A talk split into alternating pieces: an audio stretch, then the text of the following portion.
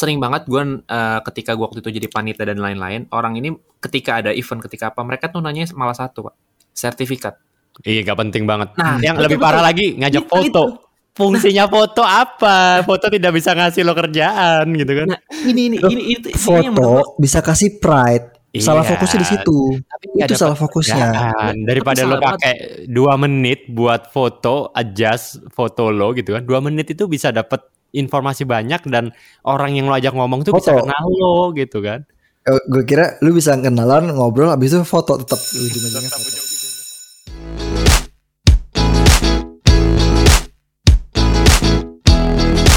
Tapi juga nih ya, nggak ada jokes bapak-bapak dari Iya nih gak ada jok jok bawa bapak nih. kita Obama nih sekarang. Obama self. Apa edisi mengenang Om Didit ya? Mengenang udah kayak apa aja. Jadi kita kehilangan Eh, episode ini Didit nggak bisa ikutan nih jadi kita kehilangan jok bapak-bapak komplek gitu. Kita doakan Iya, semoga Didit kita berduka guys. Gitu. ngaco nih ngaco. Ngaco lu. ngaco nih ngaco. Lebay banget. Bercandanya serem kayak gitu. ya. Bercandanya dark. Kemarin tuh kayaknya sempat kita sempat ngobrol skill yang menentukan kesuksesan selama eh di industri 4.0 Anjir, Hmm. kapan kita ngomong itu? adalah dulu dulu banget Jadi di podcast dia yang lain dia bahas itu. Terus dia ngiranya di sini bahasnya. Skill yang apa menentukan kesuksesan kita selama di industri 4.0 adalah interconnection skill Anti anti sosial. bukan interconnection skill Ya, itu anti anti sosial kan? bukan koneksi orang dalam Intinya intinya kenal orang dalam gitu ya. kenal orang dalam kenapa karena kalau menurut gue ya ini kan kata orang dalam atau istilah orang dalam itu kan tone-nya negatif ya Hmm. orang tuh ngerasa kayak wah ini apa sih Eh, wah dia pasti taunya dari ordal nih ordal nih orang dalam gitu kan Emang ordal. Ya. Emang, Tapi- emang negatif kan? karena sebenarnya gini kalau kalau menurut gue ya ini gini nih pertanyaannya gini deh pertanyaan dari kalian gitu ya dari kalian Hmm. selama kalian berkarir berapa kali eh, kalian tuh dapat opportunity karena referensi atau rekomendasi orang lain Gue tiga per tiga gue. Ah. Selama karir gua, selama gua bekerja, bahkan gua tidak pernah tanpa orang dalam. Kenyataannya tuh ya, kenyataan aja. Kenyataannya iya. kenyataan ini ya apa koneksi atau atau Koneksi. apa namanya eh, referensi atau rekomendasi Benar Nah, benar. tuh? Jadi gu- gua nggak tahu kenapa keberuntungan gua kayaknya tidak semanjur itu apa tidak semujur itu gitu. Gua gua kalau nggak pakai orang dalam gagal terus gua. Jadi waktu di Jerman gua Hmm. apply lebih dari 100 application lah. Eh gagal, nggak nggak nggak nembus gitu. Ya mungkin karena emang gua nggak masukin nggak foto kali, gitu ya. Tapi Lu masukin foto gak lu? apa? Masukin foto apa? Di, di CV lu? Oh, Nah itu film gue. iya sih. Jelek kali ya gua.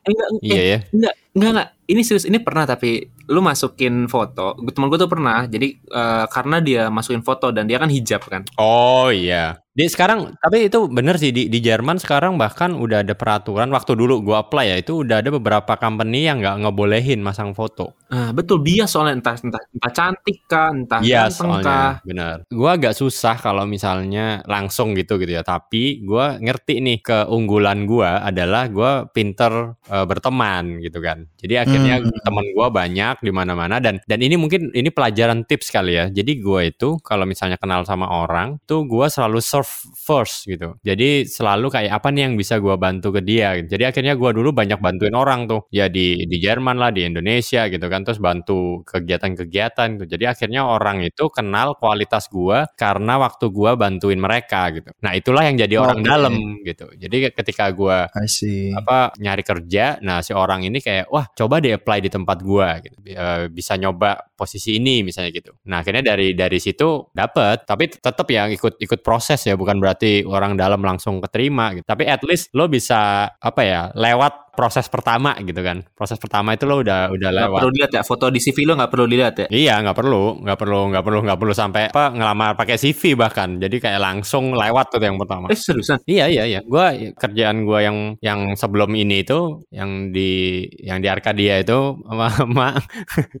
itu gua dapatnya bener-bener jadi langsung eh, interview akhir langsung ke manajemen gitu. Jadi lewat gua yang Oh. pertama keduanya udah langsung Yang di lewat. bukan Siemens itu kan? Iya.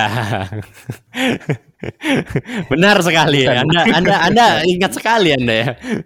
yang eh, nama gedungnya Siemens sama perusahaannya Arcadia. Oh iya benar-benar. Kebalik, Pak. Jangan, jangan ketukar, jangan ketukar. Kebalik, Pak. Nah, terus kalau Maaf. kalau lu gimana Ram? Eh, definisi orang dalam ini sebenarnya apa sih gitu loh. Jadi apakah orang yang memang dari dalam perusahaan atau memang bagian dari relasi gua yang ada di perusahaan? Bedanya apa? Sama-sama di dalam perusahaan kan? Sama ya, sama sama. Ya, Ya sama, udah, kan jadi bingung. sama sama.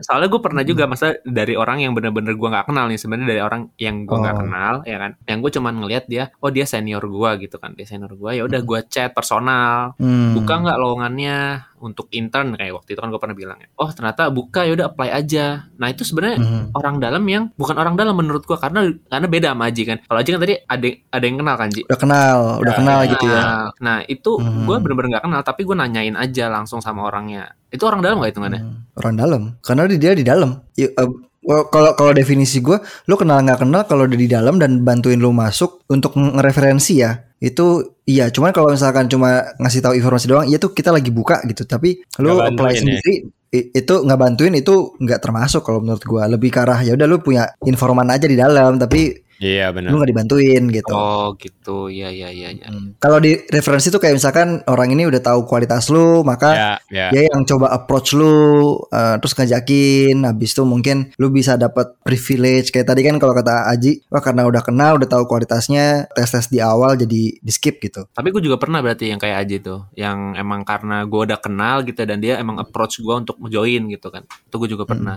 ya kayaknya gue juga mostly di tempat gue sekarang ya ya orang dalam Ya, nah ya. itu yang itu yang sebenarnya menarik kan Untuk kenal orang dalam itu ya gitu ya. bukan menariknya bahwa orang tuh ngerasa orang dalam tuh hal yang negatif padahal sebenarnya kita juga akan pernah at least sekali dapat benefit dari apa kenalan kita yang ada di dalam Ya mulai dari yang simple Apakah- aja kayak ngasih tahu informasi doang gitu ya, sampai yang bener-bener bantuin Hmm. gitu ya. bahkan yang kayak tadi gue juga bisa tahu kan orang-orang mungkin kalau kalau gue ngomong orang dalam gitu kan jadi ke sana tuh konotasi selalu negatif kan ya padahal kayak tadi lu untuk dapat orang dalam tuh ya itu cuman mau nggak mau aja sih. Bukan berarti privilege. Jadi kan oh, mungkin sekarang orang mikirnya orang dalam ada pri- adalah privilege ya nggak sih? Jadi eh, kayak lu anaknya siapa lu anaknya siapa itu kan itu kan itu emang emang ada bagian dari privilege. Cuman orang dalam tuh sebenarnya bukan privilege tapi bisa lu achieve gitu kan. Kayak gue tadi gue nggak kenal siapa pun ya udah gue chat aja orangnya Tapi mungkin informan itu juga penting sih. Gue jadi inget ya, gue dulu tuh pernah apply, terus ada saudara gue di dalam di HR dia itu nggak nggak ngasih tahu tugas atau apanya, tapi dia ngasih taunya informasinya adalah kayak eh Ji, ini eh, lo peluang lo gede nih gitu. Ini ini ini lo lagi dibahas banget nih gitu.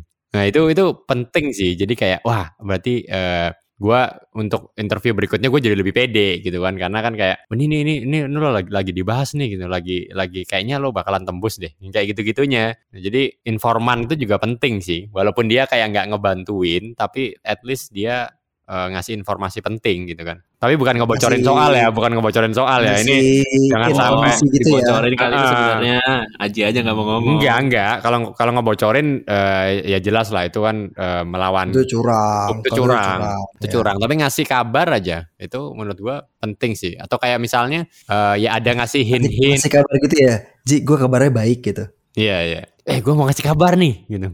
Gimana? Kabar gua baik Ci. Iya gitu. kabar gue baik Oke, Oke sangat thank you membantu. Iya. Paling nggak kita jadi nggak kepikiran dia kan. Jadi kita bisa lebih Iya iya iya iya. benar ngerjain tugasnya gitu.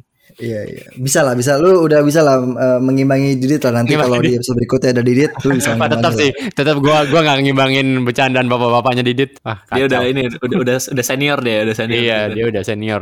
Kalau lo gimana Pau? Gantian dong. Bisa dibilang hampir semua kerjaan gua dap- dapat dari referensi. Oh ya sama berarti lo sama gua. Sama, sama. Misalnya pas iya kayak sekarang iya itu itu ada ada ada part of it juga karena gue udah bukan berarti gue dibantuin karena gue kenal tapi pas pas proses eventually gue kenal jadinya lebih enak gitu untuk untuk apa kita saling saling tahu eh, apa namanya yang yang dibutuhkan tuh kayak gimana dan segala macam. Sebelumnya juga iya, sebelumnya juga iya, eh, sebelumnya juga iya. Iya sih, jadi Jadi semua hampir kayaknya. semuanya. Kalau misalkan nggak langsung, biasanya referensi dari orang yang gue kenal. Misalkan gimana ya? Tangan kedua, tangan Iya. kedua. Hmm. Misalkan Rama nih, eh, Rama sama gue nggak kenal. Habis itu Rama nanya ke Aji, Ji, gue butuh ini, eh, ny- lagi nyari orang produk yang gini gini gini gini atau orang tech yang gini gini gini gitu kan. Lu ada rekomendasi nggak gitu? Terus Aji reko- rekomendasi gue, eh coba aja lu ke ini, coba teman gue nih Pau gitu kan. Kalau nggak langsung yang langsung kenal, kalau nggak ya kayak gitu, udah ada yang ngenalin gitu. Iya, iya. Tapi kayaknya tuh di di dunia tech kayaknya lebih lebih kayak gitu ya. Lebih Ah, Mostly lebih iya, lebih karena- lebih ref, by referral gitu loh. Kalau kayak gua kan di Betul. dunia energi kan, ya iya, tapi nggak nggak segitunya gitu. itu gue mau ada agak sedikit gue ini ya gue kontra dikit ya jadi gue tuh baru-baru ini itu ini gue nyoba ya kan gue coba apply untuk beberapa eh, role ya kan untuk beberapa role dan gue nggak bener-bener pakai jalur normal nih ya nggak pakai rekomendasi sama sekali ya kan gue pingin tanya gue pingin tahu nih sebenarnya orang nih bakal ngeliat gak sih eh, CV gue dan lain-lainnya gitu kan ya. Ternyata soalnya kan gue basically eh, perusahaan gue perusahaan kecil-kecil dan yang orang nggak akan tahu gitu ya kalau dijelasin. Nah ternyata kalau di IT chance lu untuk dari masuk tahap satu itu cukup besar terlepas dari Hmm. apa pun CV lu gue ngeliatnya gitu ya jadi kalau aja itu kan tuh kayak gimana? Tes tertulis iya, gitu atau jadi gimana? seenggaknya maksudnya? dipanggil seenggaknya dipanggil Oh, segala yang panggil. Sengaja Oke. dipanggil. Jadi kalau aja kan tadi ngomong kalau di tag tuh kesannya lebih ke arah rekomendasi. Iya itu gue sebenarnya ngomong iya, cuman gue cuman ngomong tapi chance lu untuk lu masuk jalur normal kalau lu tag. Tapi gue tagnya mungkin lebih cenderung ke arah software engineer ya. Gue nggak tahu kalau yang lain. Soalnya gue juga juga coba untuk yang product manager gitu, gue coba tanpa rekomendasi tanpa itu gue nggak pernah masuk. Bener-bener nggak pernah masuk. Dipanggil pun nggak pernah gue. Ya soalnya soalnya gue kalau ngelihatnya kalau di tech itu kan karena memang yang dihasilkan itu kan produk gitu kan. Jadi ya eh, either role lo apa gitu ya. Kalau misalnya engineer ya berarti produk codingan. Kalau orang produk ya berarti produk-produknya gitu kan. Tapi kalau yang di tempat role gue dulu kan sebenarnya bukan produk gitu. Jadi kita nggak nggak butuh referensi. Cuma kalau di tech itu kan kayak butuh referensinya itu karena eh, buat mastiin kalau lo itu memang bisa perform well gitu kan di tech industry. Gitu nggak sih Pau? Makanya referral tuh jauh lebih penting gitu kan. Karena ini sih em, satu karena environmentnya atau ekosistem juga masih nggak terlalu gede gitu kan masih terlalu, eh, masih lumayan kecil. Apa ya keahliannya ya ke keahliannya itu tuh sangat unik di mana itu tuh kita perlu ada sesu- sesuatu suatu cross reference check gitu di mana kita bisa dapetin validasi apakah seorang ini tuh sebenarnya memang punya capability itu atau enggak gitu. Karena pas gue inget-inget dulu, pas pas gue jalanin usaha gue, itu tuh juga pas gimana gue ngerekrut orang atau ngerekrut tim, itu juga mostly karena reference. Gue juga dapat project waktu itu mostly karena dapat reference. Karena dengan begitu, karena jasa kali ya, karena mungkin karena jasa eh, jadinya rekomendasi atau testimoni orang tuh jadi lebih didengar dan dan eh, dan sejauh ini sih terbukti. Maksudnya resikonya jadi jauh lebih kecil gitu. Pertama, waktu pencariannya bisa lebih cepat. Yang kedua dengan kualitas yang lebih bagus gitu. Karena kalau misalkan kita dapetnya tuh yang kayak out of nowhere, eh, ada banyak kondisi-kondisi yang kita perlu filter dulu di awal gitu loh. Jadi banyak proses di awal, walaupun mungkin ujungnya dapatnya tuh yang nggak sesuai gitu. Jadi eh, dengan reference check ini akan ngebantu kita untuk menghemat waktu dan effort untuk dapetin quality yang sesuai dengan kebutuhan kita. And it it's working, it has been working. Hmm, itu sama ini ya, gue juga jadi inget nih. eh, Sebenarnya emang ada alasannya kenapa bahkan dari sisi company pun prefernya orang dalam, bener ya? Prefernya referensi kan. Ya karena kan Mm-mm. kalau referensi ya lo udah tahu kualitasnya gitu kan. Nah, bahkan orang yang nggak bisa dapet orang dalam, menurut gue mereka yang salah. M- mereka yang salah. M- eh, mereka yang nggak dapat orang dalam ini yang salah gitu maksud lo. Betul, karena mereka yang nggak mau Oke. effort untuk dapetin orang dalam gitu. Karena berdasarkan chance ini eh, dari si Gio juga, dia kan dia ngomong banyakkan yang di hire ini yang dari orang dalam atau rekomendasi atau referral namanya apa pun lah. Ketimbang Hmm. yang mereka lebih kucing dalam karung gitu. Lebih hemat effort dan lebih hemat waktu. Kita juga itu kan kayak semacam apa ya? Semacam gini gini. Ada dua hal yang gue bisa gue bisa utarain. Yang pertama adalah ini tuh sama kayak kita mau nyari tempat makan. Eh di mana sih tempat makan yang enak gitu? Karena mungkin kita Hmm. orangnya juga, juga komunal, maka kita Ya, ya. biasanya akan menanyakan kepada orang yang dia memang punya dalam tanda kutip kompetensi untuk untuk memberikan rekomendasi tersebut. Jadi kita pun juga udah milih. Kita tuh mau nanya ke siapa? Nggak mungkin gua nanya ke Aji masalah dan gua ya gua ngerasa Aji nggak terlalu capable lah gitu untuk untuk menjawabnya. Nah, yang kedua eh, mungkin kita nggak nggak jangan jangan melihatnya ini tuh orang dalam tapi lebih ke arah ini tuh teman kita gitu. koneksi kita, Iya. network kita. Jadi poinnya adalah eh, dan ini yang gue selalu percaya adalah rezeki itu datang dari sekitaran kita yang yang yang yang kita kenal. Iya, Jadi makanya dengan makanya cara power of silaturahmi. power of silaturahmi. Bersilaturahmi. Iya, ja- siap mungkin berbagi bukan orang bu- mungkin bukan jadi re- rezeki sekarang, tapi bisa jadi satu satu waktu orang ini datang. Nah kalau Iya. gitu kalau gitu coba kita eh, apa ngomongin tentang tipsnya deh karena kan kadang-kadang anak-anak baru lulus nih bingung nih gitu. Oh iya kalau kalau kita kan memang udah lama di market ini ya jadi kenalannya banyak ya. Ini seandainya nih lo baru lulus gitu ya. Terus lo masih nggak kenal siapa-siapa kecuali teman sekampus lo gitu. Nah ini mulainya dari mana nih gitu biar kenal sama orang-orang itu gitu. Yang gampang yang susah nih. Yang gampang yang susah apa? Yang gampang dulu lah. Gampang dulu lah, Cara gampang dulu. gampangnya. Cara gampang. Iya. Cara gampang dapat orang dalam. Nah, Nah, yang kayak gue lakuin kita itu bikin buku awal-awal. gitu asik kali ya banyak yang usah. beli kali. Buku apaan? Enggak itu tadi. Cara gampang. Tips cara gampang mencari orang dalam. Nah. Ya orang dalam dicari ya chat aja orang yang kerja di situ kan. Itu cara paling gampang. Chatnya Benar. lewat lewat apa nih? Ini ini step by step. Dari dari LinkedIn, betul kan dari LinkedIn. Eh, terus lu lu masuk ke perusahaannya, terus lu Hmm. cek ada nggak sih yang koneksi-koneksi lu yang mepet-mepet lah sama Berarti kalau lu. kalau LinkedIn ini ini ini gue bayangin ya. Misalnya lo pengen kerja di startup unicorn namanya Agitech gitu kan. Lo search tuh di LinkedIn Agitech gitu kan. Iya iya iya, Gua Keluar search gitu kan. Nanti- Betul, keluar. Siapa? Nah udah lo random aja gitu lo chat atau gimana? Biasanya tuh gue pilih-pilih yang kira-kira mereka punya empati ke gue. Misalkan tadi alumni gitu loh. Punya Lo cari ini yang ya, ada korelasi ada ya. apa namanya? Iya, atau ke- ke- yang common tuh apa antara lu dan orang ini gitu ya. Betul. Oh, Misalkan misalnya sama-sama orang Bekasi gitu kan. Oh, sama-sama suka berenang gitu kali ya. Bisa bisa jadi sama-sama satu ceritanya tempat. LinkedIn tahu Iya, sama-sama. bener juga. Ya lanjut lanjut lanjut lanjut. Hmm, Terus, ya terus? itu cara paling gampang sih menurut gue cara satu ya. Maksud gue kalau misalkan lu Mm. bukan terlahir dari orang yang memang punya privilege yang besar gitu ya dan lu baru lulus gak, belum ke mana-mana itu cara pertama mangga dilanjut Lah segitu doang. Kirain cerita lu mau sampai beresin keterima. ini. Gue udah santai-santai ini, enggak. ya cara kedua nih cara kedua berguna bagi banyak orang maksud gue pertama lu care dulu ya ke lingkungan lingkungan lu ada apa lu tuh aktif kalau misalkan lingkungan lu ada project apa aja gitu Eh, lu coba aja uh, take over handle gitu dan dan lu do the best di situ dan itu pasti Hmm. dari mode ke mode dari network ke network network ke network lu pasti akan ketemu sama orang-orang yang yang sebenarnya tuh levelnya jauh di atas lu gitu loh dan Hmm. itu gue alamin juga sih Ji to be honest Iya, iya, iya. Kalau dari pengalaman gua itu ikut komunitas sih. Itu penting banget sih. Voluntarily, eh, volun, voluntarism. Atau ikut ini juga, ikut kompetisi. kompetisi boleh. Tapi Heeh, itu lomba. another, another, another tips ya. Cuma kalau gua mau dalemin yang komunitas tuh karena kalau komunitas atau lo apa join voluntarism gitu, itu lo jadi punya akses ke orang-orang besar gitu loh. Walaupun eh, ya nggak kenal Hmm. banget gitu ya. Kayak misalnya contohnya ikut deep tech gitu kan. Ikut deep tech kan anak-anak deep tech eh ya lumayan high level high level gitu kan. Kalau misalnya ikut kegiatannya, bantuin bantuin eh, acara-acaranya deep tech misalnya gitu ya. Dan masih banyak lagi lah komunitas-komunitas Ji- tech yang Ji. lain. jadi Itu bisa caranya ikut bantuin. tiptek gimana Ji? Tinggal follow Instagram kita. iya, at deeptech.id. Tapi ya itu kan itu kan lebih ke sosial media. Sebenarnya ada yang menarik nih. Ke- Kemarin tuh gue sempat baca di Medium gitu tentang ada orang yang eh, dia coba apply untuk eh, join di Google. Nah itu tuh dia berawal dari ngirim cold email. Cold email tuh ya ya udah out of nowhere lu kirim email aja ke satu orang gitu kan. Em, terus dari situ justru malah diproses untuk untuk di apa namanya di hire gitu kan proses rekrutmen. Sorry, Nah di situ isinya apa tuh? Nah, itu tuh yang menarik. Cold emailnya itu sebenarnya dia cuma cerita kenalan gitu kan. Eh, gue ini, gue itu eh, sekarang lagi apa senior di kuliah apa. Misalnya dia fresh eh, ini ya, eh, fresh grad ya. Gue baru lulus atau eh, udah mau beres segala macam.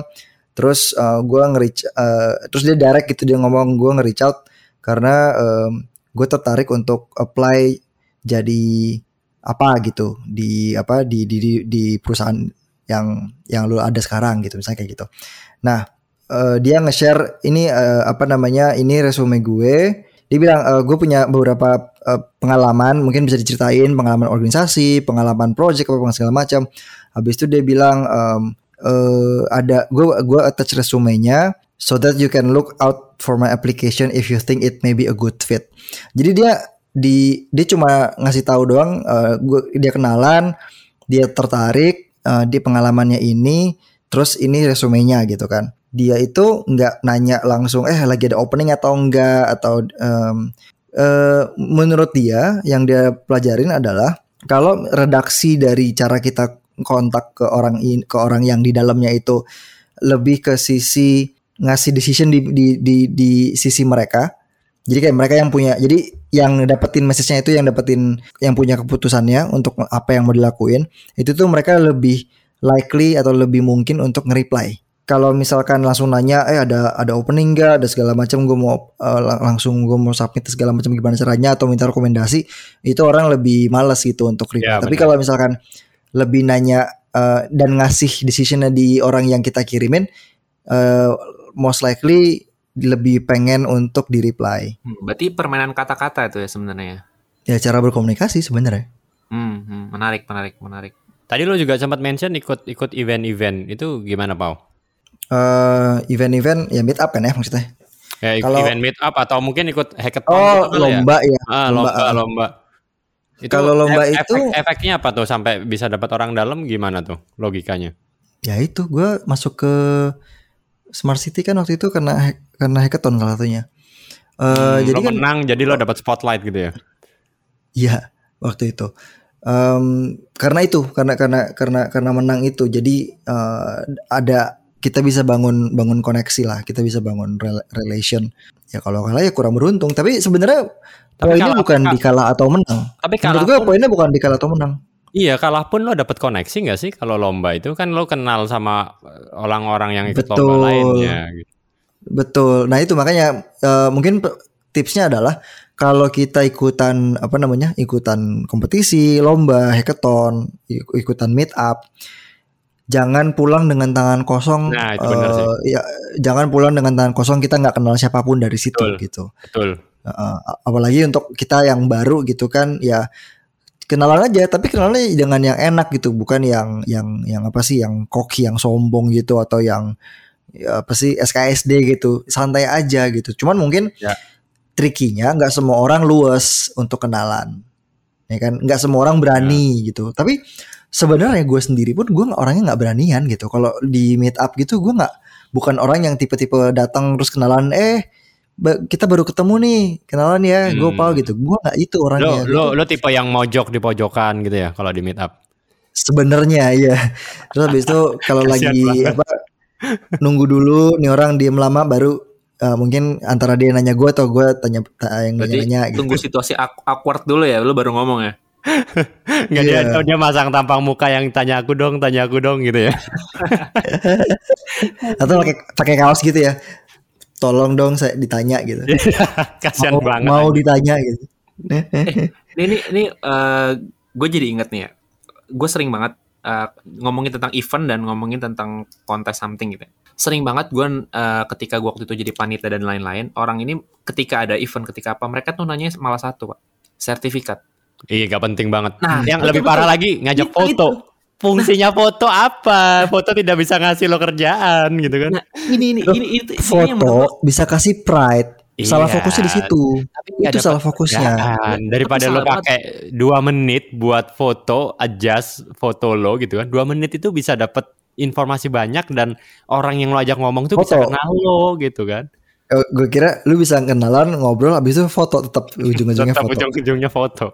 Nah, ini Iya. makanya ini, ini ini perlu diklarifikasi ya, perlu diklarifikasi. Gue cuman ngomong ya ketika lu datang sebuah event, kalau misalkan emang event itu ya nggak terlalu besar banget ya, ya itu lu nggak akan ketika lu dapat sertifikat itu nggak akan guna apa-apa. Mau lu punya sertifikat itu itu nggak akan berguna apa-apa di dalam CV lu gitu loh. Iya iya iya. iya. Eh tapi ngomongin i- eh, ngomongin event, webinar apa eh, lagi off online gini susah nggak sih? Kalau tadi kan kita ngomongin tuh kalau kita ketemu orangnya, ya. tapi kalau lagi pandemi gini gimana? Tetap lu mencoba untuk stand out nggak sih? Nanya susah lah. sih challenging susah karena sih. nggak- karena kalau kalau kalau meet up gitu kan lebih direct ya lebih oke ada sesi ngobrol habis itu paling interaksinya cuma Q&A gitu kan nggak ada yang kayak Iya. eh, kan kalau dulu kan over over dinner gitu kan over snack gitu pas Iya. lagi ada break baru bisa ngobrol benar, gitu benar. Nah, berarti kalau kayak pandemi agak gini susah terus sih. buat nge-replace tuh apa ya? Ini kan anak-anak Hmm. yang baru lulus nih di masa pandemi kasihan banget kan? Berat juga ya. Gue gue turut berduka aja deh. Ya, lo nggak ngasih solusi anjir. Lo turut berduka, udah banyak yang ngomong berduka. gimana ya? Hmm, Menarik juga. jadi Em, panitia menurut gue Ji kalau gitu. Nah, bukan jo bukan Berarti- join ini. Iya, berarti jalan keluarnya itu ikut ikut volunteering. Itu banyak banget loh, serius. Itu Hmm. eh, yang di mana eh di startup startup gitu ya atau di mana di komunitas-komunitas tuh banyak banget volunteering-volunteering gitu. Lu sengaja mancing jawaban gue biar ke situ ya? Enggak, ini, pemimpin ID. ini beneran. Enggak ini bukan, bukan. Pemimpin ID juga ada tapi ya teman-teman follow at pemimpin.indonesia. Enggak anyway, yang yang kita kan pernah bahas juga nih yang masalah intern itu loh. Waktu itu kan kita bahas tuh intern yang eh apa bayarannya dikit atau apa gitu kan. Nah, tapi kalau kita ngomongin tentang koneksinya nih udahlah apa eh, bayaran dikit nggak apa yang penting koneksinya dapat gitu kan. Nah, dengan Iya, dengan cara-cara kayak gitu kan. Karena kan sekarang nggak ada meet up meet up nih. Jadi ya udah perbanyak Mm-mm. aja tuh ikut ikut intern di di mana itu sebulan gitu ya pindah lagi intern di mana sebulan lagi kan nambah kenalan nambah kenalan tuh sebulan dua bulan lumayan kan Eh tapi Hmm. garis bawain Ji, lu kerjanya harus bener. Karena percuma. oh iya iyalah itu itu itu jelas tapi maksudnya diniatin dulu ikut intern ikut volunteer gitu kan